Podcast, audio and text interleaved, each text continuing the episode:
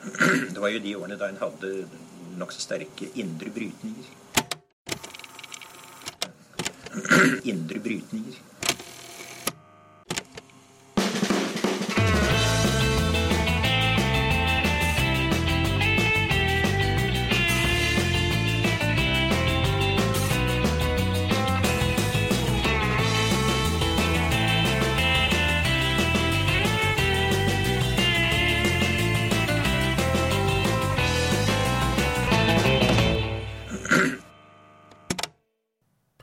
Velkommen til Noen har snakket sammen. Mitt navn er Tiril Rustad Halvorsen. Og jeg heter Aksel Fjellavli. I dag skal vi snakke litt om sosial mobilitet. Mm. Eh, delvis fordi eh, du har eh, vært og snakka med en amerikansk sosiolog. Ja, jeg har det. Shamus Khan heter han. Han er instituttleder for eh, Sosiologisk institutt på Columbia University i New York. Eh, han eh, er annet spaltist i Washington Post og Time eh, og har skrevet ganske mye om eh, ulikhet og, og eliter da, fra, fra mange ulike innfallsvinkler. Og skrevet også ei, ei bok om eh, eliteutdanning som heter Privilege, som kom i 2011. Så han er av Ja. de liksom, fremste på, eh, på det her, da. Så det er jo kult at vi har han med i, i Ja, podkasten. Og eliter har jo vært en debatt i Norge den siste senere tiden. Mm. Uh, og i tillegg så har det denne uken vært en debatt om en rapport som har kommet fra Frisch-senteret på Universitetet i Oslo om sosial mobilitet og innvandring. Så Det er brennbart.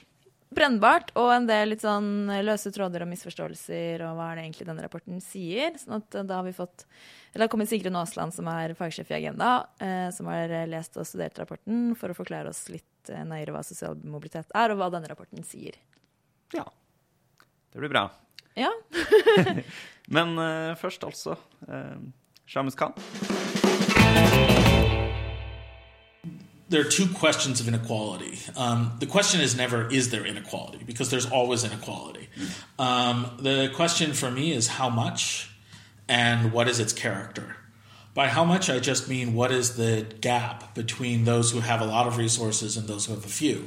In the United States, the gap is immense. Um, here, it's less, it's not nothing. Um, interestingly, Americans think that they live in a society as inequitable as Norway, and they think Norway is too inequitable. Um, they don't realize how unequal it is, but there are huge differences there. And then, by what is the character of inequality? What I mean by that is like, how is it reproduced? So, um, there are different logics of the reproduction of inequality. One is sheer reproduction, which is that parents pretty much inherit their uh, parents transfer their position to their children, so the children are in the same position as their parents were.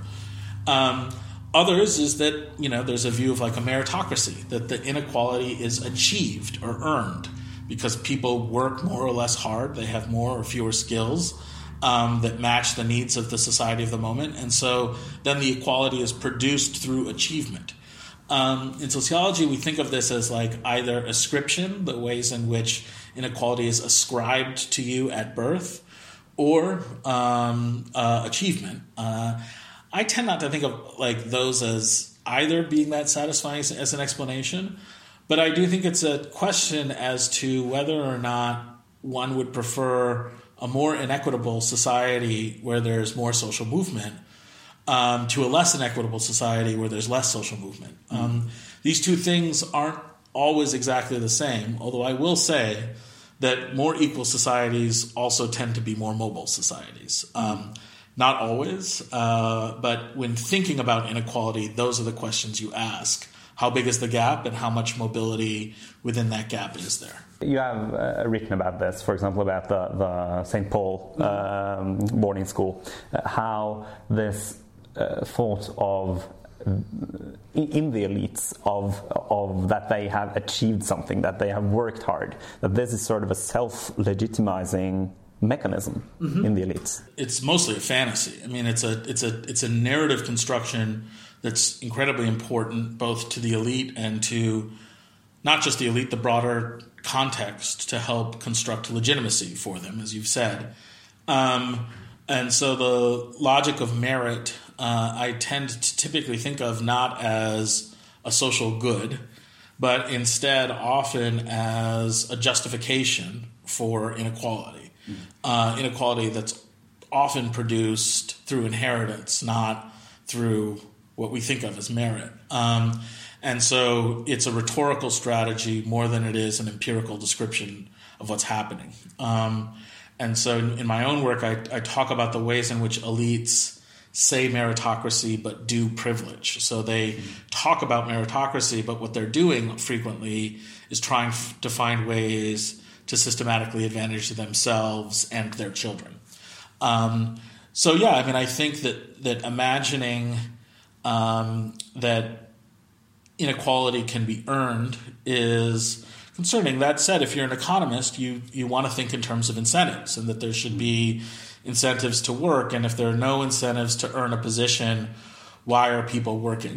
Mm. Um, I, as a sociologist, tend not to think of that way. That way, mm. um, because I tend to think that um, people often work out of a sense of value and achievement, like mm. um, understanding that you have a place and that what you do is valuable to others is enormously motivating. Um, and so, you know, my perspective tends to be a little bit different, but I do think it's important to acknowledge that you know some people do respond to incentives. Mm. Uh, many of us do, and um, so there are ways to think about you know uh, inequality um, uh, that may respond to you know people's skills and capacities. Um, you know, my my perspective on this though also is is is is informed by a little bit of a historical and cross cultural reflection, mm-hmm.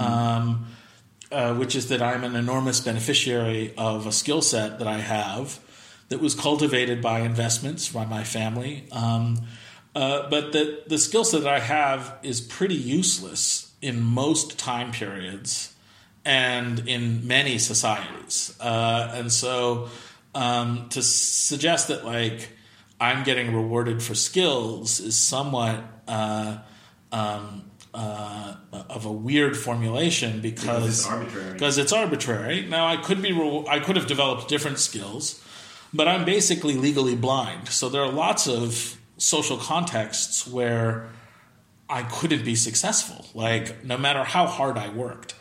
Um, and and so you know that to me raises the important question about you know whether or not there are returns to skill um, and investment, or whether or not the the skills that there are returns to. You know, there's a very odd construction of, of what gets counted as a skill. But, but I mean, this this um, idea of meritocracy also has a significant place uh, in the rhetoric of, of the left. Yes. I mean, opportunity and uh, and so on. And isn't isn't it? I mean, I understand that the U.S. today is not a meritocratic no. society, but there could have been. You know, what worries me often about this is like you know the return to skill, the return to hard work, the return to investment that I've made in myself. Is that like undergirding all of them is the idea that people get what they deserve or should get what they deserve, and it's a very easy position to hold when people are getting good things. Mm. When people are getting bad things, it's a very difficult position to hold to because it's much easier to talk about, you know, me in my very fortunate advantaged position and whether or not I got whether that what I deserve. It's impossible for me to talk about a person who's living in abject poverty. Um, who experiences enormous poor health, uh, who has very few life chances, who's going to die far younger, um, whose children have very little opportunity, to say, what's the context where that person got what they deserved? Mm-hmm. Um, and so I think that the logic requires an application not to the easy cases of, oh, so and so worked hard and achieved something in advance, but the difficult cases, like let's say someone didn't work hard. Let's say they were kind of lazy. Let's say they weren't that smart. Let's say they drank a little bit too much. I am not comfortable suggesting that that person deserves to suffer. Um, I may, in a moralistic sense, disagree with their choices, but I think that you have to recognize their fundamental humanity and say, what that person deserves is the capacity to live a life without suffering.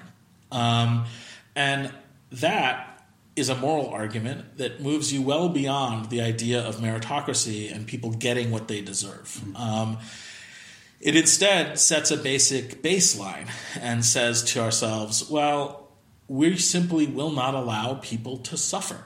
Um, and we live in societies where people are going to suffer for some degree. There's going to be mental health challenges no matter what we do. Um, some people are going to suffer from depression and anxiety. Um, people are not always going to get what they want. Um, uh, um, I may fall in love with someone who doesn't love me back. Uh, I may wish I didn't get cancer, but I get cancer. We're not always going to get what we want. We will suffer to some to some extent. But the baseline needs to be to think about like not the deservingness of the poor, the deservingness of the rich, but instead how it is that we create some basic conditions of human, human flourishing. And to me, that means creating a baseline where we say, I don't care that that person made bad choices. I don't care um, uh, that they happen to have some kind of character that I don't really agree with. They're a member of a community, and um, as a member of that community, they have some human right mm. to flourishing.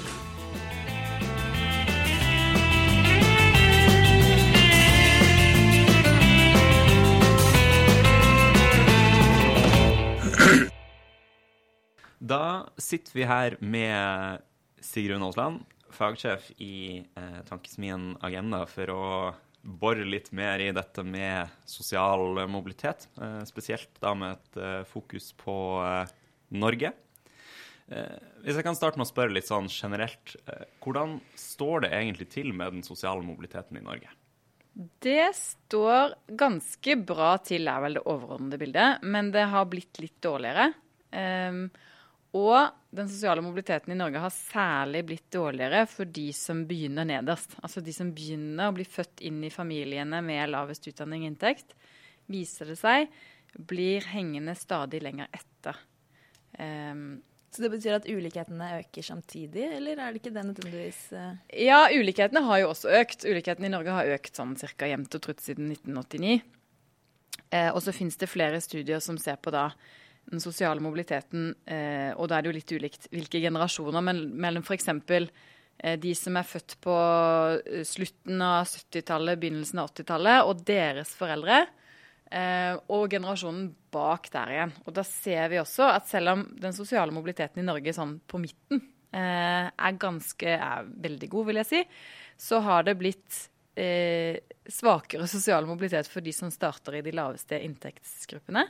Eh, og det har også blitt svakere sosial mobilitet på toppen. Altså, det er lettere å forbli rik hvis du først er født inn i en rik familie. Og det, eh, vi vet jo også en del om eh, hvor mange av landets rikeste som er, har arvet formuen sin, f.eks. Mm. Så det er en del annen eh, type informasjon vi kan henge på den kunnskapen. Da. Men den sosiale mobiliteten har utviklet seg i litt negativ retning, og det har særlig gått utover de som ble født inn i familiene med minst fra før. Mm.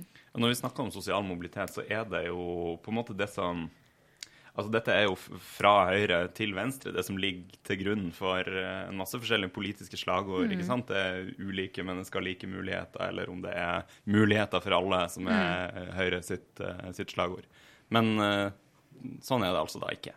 Altså Dette er jo på en måte eh, dette går rett inn i kjernen av hele liksom, høyre-venstre-aksen i politikken, egentlig, tenker jeg. Fordi kan, man kan jo mene mye forskjellig om fordeling av goder. Skal det være helt likt? Skal alle på en måte være sin egen lykkes med? Eh, og hva du mener om hvor mye godene skal fordeles, avhenger jo litt av hvor mye du tror man selv kan påvirke. Mm. Og da vil jo typisk, da vil noen ytterste, kanskje på ytterste venstre side si at alt er struktur, alt er forutbestemt. Eh, du er på en måte født inn i en klasse og en struktur, og du får ikke gjort så mye med det. Eh, derfor må vi fordele mye. Og så sier andre, eller i hvert fall implisitt antar, at det er mulig å jobbe hardt og stå på og gjøre en innsats og ta mye risiko og bli rik.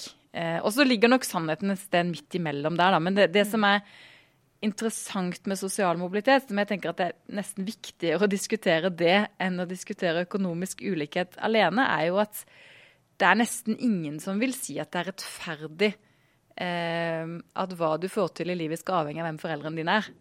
Alle mener jo, De aller fleste mener at det skal være mulig å jobbe hardt og gjøre en innsats eh, og kunne gjøre det godt i livet. Og at det på en måte også forsvarer det vi har av økonomiske forskjeller. Men hvis det ikke er sånn, hvis det ikke er mulig å på en måte klatre opp fra ingenting og slå seg opp, eh, eller hvis det er veldig vanskelig, så, eh, så er jo også ulikheten mye mindre rettferdig, kan du si. da. Og også mindre effektiv. For det betyr jo at da sitter vi med noen talenter da, i de laveste inntektsgruppene som vi rett og slett ikke får glede av. Og så har det jo da denne uken vært mye snakk om en eh, rapport som har kommet fra Frisch-senteret, som tidligere har jobbet mye med sosial mobilitet, men denne gangen har de sett på eh, innvandrere og hva de gjør med jobbene, og spesielt for de nederst i, i, på denne skalaen da vi snakker om. Um, hva hvis du kan, det har vært mye diskusjoner om den eh, rapporten, og veldig mange har fått rett for sitt syn, uavhengig av hva det er, på en eller annen måte, når man snakker om innvandring spesielt. Um, så vi lurte på om du kunne oppklare kanskje noen av de uh, misforståelsene eller feillesingen av den rapporten. Hva er det den egentlig sier oss?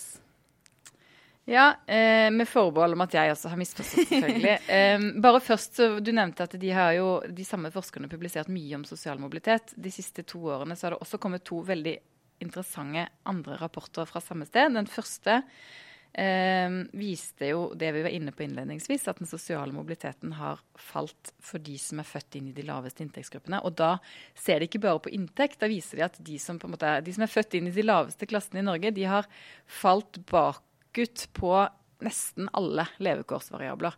Eh, de har lavere inntekt, de har lavere utdanning, de er i mindre grad eh, gift og har familie, og, måte, og de har dårligere helse. Og det er veldig mange variabler som blir dårligere for de som begynner nederst. Eh, så publiserte de en rapport i fjor hvor de så på eh, hvordan den sosiale mobiliteten påvirkes av hvilket nabolag du vokser opp i. Hvor rike er naboene dine? Og der de viste at det beste er egentlig sånn middels blanda nabolag. Det gir den høyeste sannsynligheten for å bevege seg opp i hierarkiet. Så har de nå en rapport som kom ut eh, i januar. Eh, som også viser at den sosiale mobiliteten i de laveste gruppene har falt. Og det visste vi jo fra før. Eh, så har de sett på hva skjer når det kommer mange innvandrere til et geografisk område. Eh, og det resultatene fra den rapporten viser, er at jo flere innvandrere fra lavinntektsland som kommer til et geografisk område, jo dårligere blir den sosiale mobiliteten for de som allerede på en måte var, eller som hadde foreldre i det laveste inntektssjiktet. Så kan man si at eh, med noen eh, gode begrunnelser, men, men likevel eh, kan diskuteres, så har de slått sammen østeuropeiske innvandrere og type, mer sånn type asylsøkere, som jo er litt sånn ulik type innvandring. Eh, men hele antagelsen bak rapporten er at eh, disse innvandrergruppene kommer typisk inn i jobber som krever eh, kortere utdanning, eh, og som tilhører de laveste inntektene. Eh, og så viser de også at både asylsøkere eh, og eh, østeuropeiske arbeidsinnvandrere havner i jobber med de laveste inntektene. Mm. Det den rapporten egentlig viser, er jo på en måte noe vi har visst en stund. Nemlig at når du åpner for internasjonal handel, eh, som begynte med varer og tjenester, og etter hvert med eh, også innvandring, arbeidsinnvandring, eh, så fordeles den byrden ulikt i befolkningen. At de som hadde høyest inntekt fra før, de har tjent mest på handel og åpenhet. Ehm, de som hadde minst fra før, de har tapt mest. Eh, og vi vet jo at eh, altså denne Det kom veldig mange arbeidsinnvandrere til Norge etter østutvidelsen av EU i 2004. I samme periode så hadde vi en kjempestor sysselsettingsvekst. Eh, mye av det i bygg og anlegg, men også mange andre bransjer. Og der hvor det denne rapporten ikke sier noe om, er jo liksom hvilke typer jobber har blitt erstattet av hvem, og hvem jobber hvor og sånn. De ser bare på eh, hvordan har den sosiale mobiliteten endret seg i ulike geografiske områder etter hvor mange innvandrere som har kommet. Men vi vet noe om Men- hvilke jobber. Ja, og så vet vi jo noe om hvilke jobber. Og det, der det særlig har skjedd at mange innvandrere har blitt sysselsatt, samtidig som færre nordmenn er sysselsatt, det er i bygg og anlegg eh, og renhold. Eh, og egentlig veldig mange av de bransjene som vi vet er, har svak organisasjonsgrad, eh, har høy grad av eh, sosial dumping og arbeidslivskriminalitet. Så dette henger jo sammen. Dette er jo et bilde som henger sammen med en liberalisering av arbeidsmarked, eller i hvert fall et umøtt sterkere behov for regulering av arbeidsmarkedet. Um, som man trenger når man har en åpen økonomi, da. Så jeg, eh, syns den rapporten fra Frischsenteret Frisch-senteret er kjempeinteressant i at den viser nok en gang at den sosiale mobiliteten har falt på bunnen, og den viser at kostnaden for økonomisk åpenhet, som også inkluderer arbeidsinnvandring, har falt på de som hadde minst fra før. Eh, Så var du inne på at det er mange som kan ta det til inntekt da, for det man mener. Man kan mene at dette viser at vi ikke bør ha innvandring, man kan mene at dette viser at vi ikke bør ha internasjonal handel. Eh, og så er det jo egentlig ingen av delene denne rapporten viser, da. Men den viser jo at når vi har en åpen økonomi, så er det enda viktigere å fordele godene, fordi ellers så øker forskjellene. Eh, og så viser den at det er et sterkt behov for regulering av en del av disse bransjene. Bygg og anlegg vet vi jo at det har vært en kjempestor tilgang på billig arbeidskraft. Det har vært dårlig produktivitetsutvikling, eh, og det har vært mye arbeidslivskriminalitet og mye eh, ikke så bra økonomisk virksomhet. Men ehm, liksom mainstream, liberal, økonomifaglig eh, syn på, på handel og på også mm, arbeidsmigrasjon, eh, med forbehold om at jeg ikke er en mainstream liberal økonom, eh, så det, det tilsier jo da at eh, handel er bra for eh, begge land som handler med hverandre. Eh, Det blir vekst i begge landene, det er mer effektivt. Eh, Og det samme, eller kanskje enda mer vekst i begge land, får man med arbeidsmigrasjon.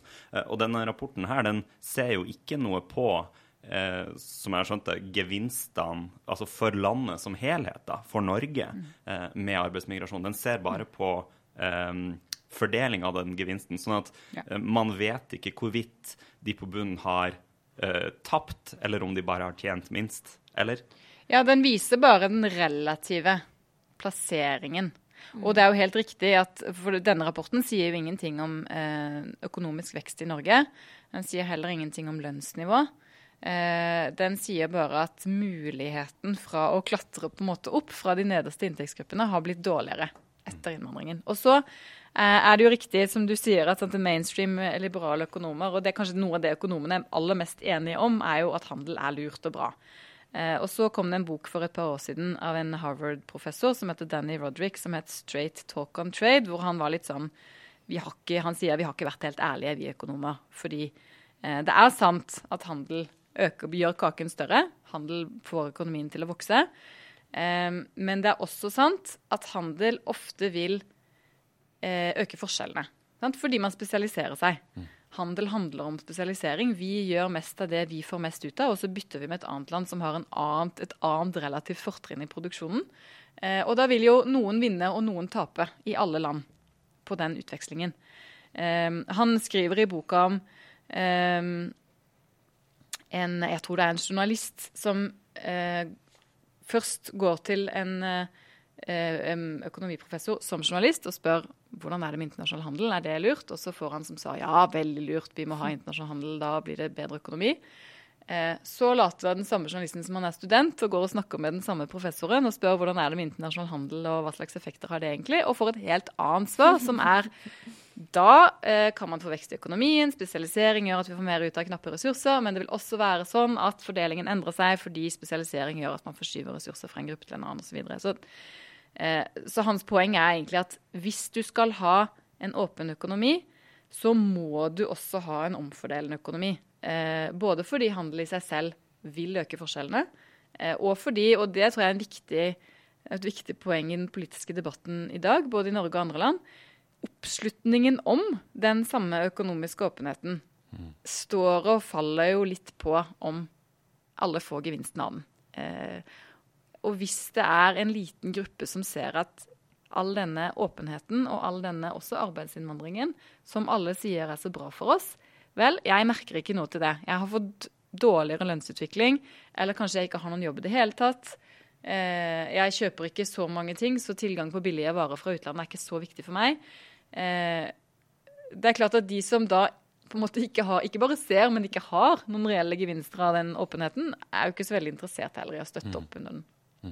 Det var kanskje litt det vi ser i den EØS-motstanden enkelte steder i fagbevegelsen i dag. Ja, og den tenker jeg er viktig å, å liksom ta inn over seg. Den er jo helt reell. Eh, vi kan godt, og alle fagmiljøer kan godt regne på de økonomiske gevinstene i nasjonalregnskapet av EØS-avtalen og av internasjonal handel, men det finnes mange mennesker i Norge som har fått dårligere arbeidsvilkår de siste 10-15 årene, og det er jo ikke noe Det hjelper ikke dem så mye eh, at det står bra til med de overordnede vekstratene i norsk økonomi. La, la, oss bore litt mer i, i, selve rapporten. fordi når det kommer en så brennbar rapport mm. som dette, så mm. går jo disse politiske diskusjonene i den over i metodediskusjoner om ja. selve rapporten. Og eh, det kommer metodekritikk fra de som er uenige eh, politisk også så har det jo vært rapporter som har sett på det samme, f.eks. i Danmark, hvor eh, man ikke har fått denne effekten på sosial mobilitet, men at den sosiale mobiliteten tvert imot har blitt bedre. Mm. De skriver jo også om det i rapporten at det finnes conflicting findings, altså ulike funn fra ulike rapporter på det samme temaet. Og så mener de at fordi de, fordi de ser på den relative fordelingen, så har de færre forstyrrende elementer, så vidt jeg forstår. Sånn du, du, litt som du var inne på i stad, man, man, ser ikke på om økonomien har vokst, og man ser ikke på det generelle inntektsnivået. Man bare ser på plasseringen i eh, eh, i en inndeling i inntektsgrupper. Og derfor vil man på en måte ikke eh, vil det ikke slå ut de samme effektene på om det f.eks. har vært en økonomisk, høy økonomisk aktivitet i et område som har tiltrukket eh, mange, mye arbeidsinnvandring, f.eks. Eh, jeg tenker at den diskusjonen om eh, hva rapporten egentlig sier. Den ble jo litt sånn oversolgt i utgangspunktet, og det står også i rapporten at disse funnene kan forklare eh, negative holdninger til innvandring. Eh, jeg er ikke helt sikker på om vi kan si at de kan forklare det, men eh, De kan heller ikke si Eller innvandrerne tar jobbene våre, er jo en sånn klassisk ja. uttalelse. Men den sier ikke det heller. Den sier egentlig ikke at innvandrerne tar jobbene våre. Den sier jo ingenting om sysselsettingen og jobbene. Det fins det andre rapporter som sier noe om. Mm. Eh, men den sier bare noe om at sannsynligheten for at du, hvis dine foreldre tilhører den laveste inntektsgruppen, selv tilhører en høyere inntektsgruppe som voksen, er lavere hvis du da du var 32 bodde i et område hvor det hadde kommet mye innvandring. Um, jeg tenker at Det er ikke så interessant, den kausalitetsdiskusjonen om hva som har påvirket hva. Dette er jo en økonometrisk analyse, for de på en måte kontrollerer også for andre ting som har skjedd i de samme omgivelsene. Um, og det er jo også riktig at uh, konkurransen om de jobbene som krevde kortest utdanning, eller som allerede var i de laveste inntektsgruppene, den konkurransen har blitt hardere. Og det skriver de også innledningsvis i rapporten, at hele hypotesen her er eh, at hvis det er sånn at arbeidsinnvandring i hovedsak består av eh, yrker som på en måte, eller jobber som tilhører de laveste lønnskategoriene, så vil altså tilbudet arbeidskraft i de gruppene øke. Og da eh, er det grunn til å tro at prisen på den samme arbeidskraften vil falle. Og at de som var der først, eh, vil oppleve en tøffere konkurranse.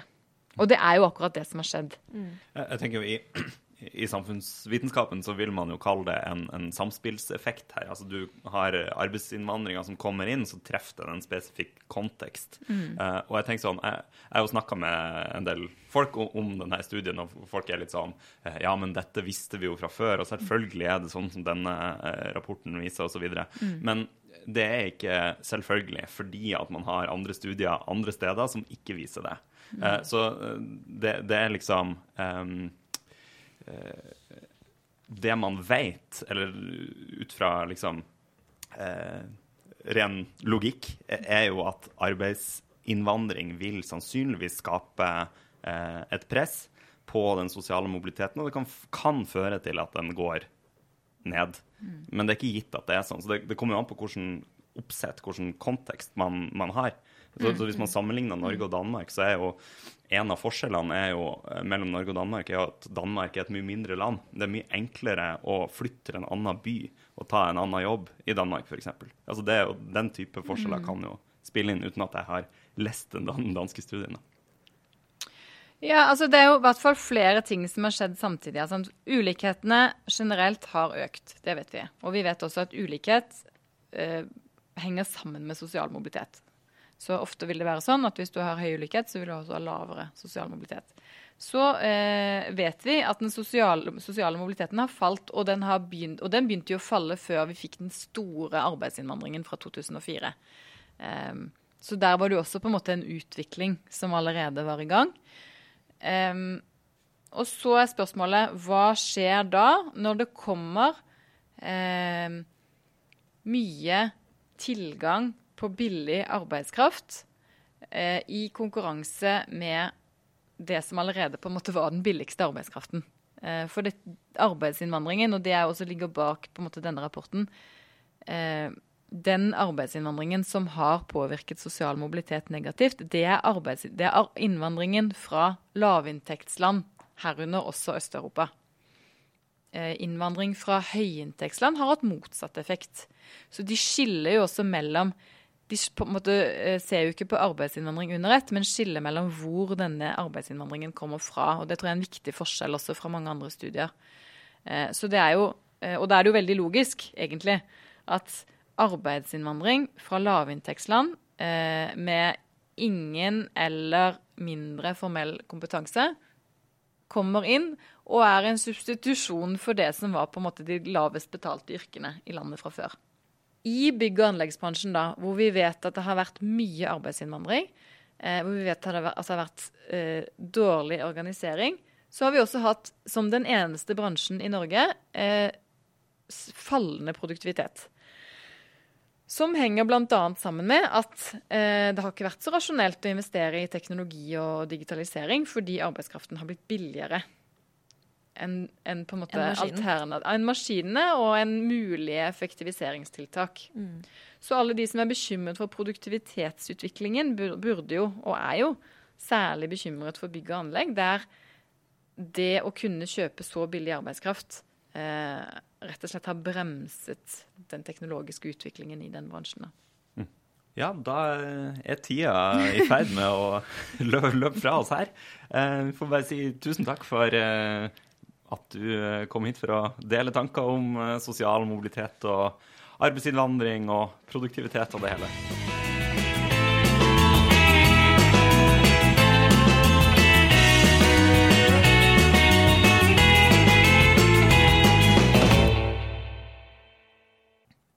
Ja, har du en eh, anbefaling denne uka, Aksel?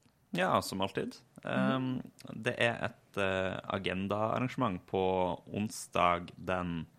13.2. På, på morgenen på Kulturhuset. Det arrangementet heter 'Framtida er nå', og det er rett og slett et eh, arrangement der det er samla noen eh, kloke hoder som reflekterer litt rundt eh, hvordan liksom, store politiske utfordringer vi har om å løse eh, i framtida. Så du møter bl.a. Kjell Magne Bondevik, Kristin Halvorsen, Trygve Svensson, leder i Agenda, uh, Gudmund Hernes og også Sigrun, som var her eh, i stad. Eh, Ikke blant annet, det er de du møter. Ja. Så det, det anbefales. Kult. Framtida er nå. Mm. Uh, ja, apropos kloke hoder.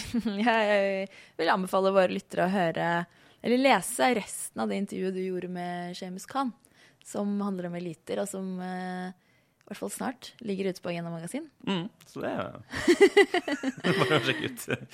Apropos eliter og sånn. Ja. Ja. Um, det, var det, for, eh, det var det vi hadde denne uka. Takk for nå. Takk for nå.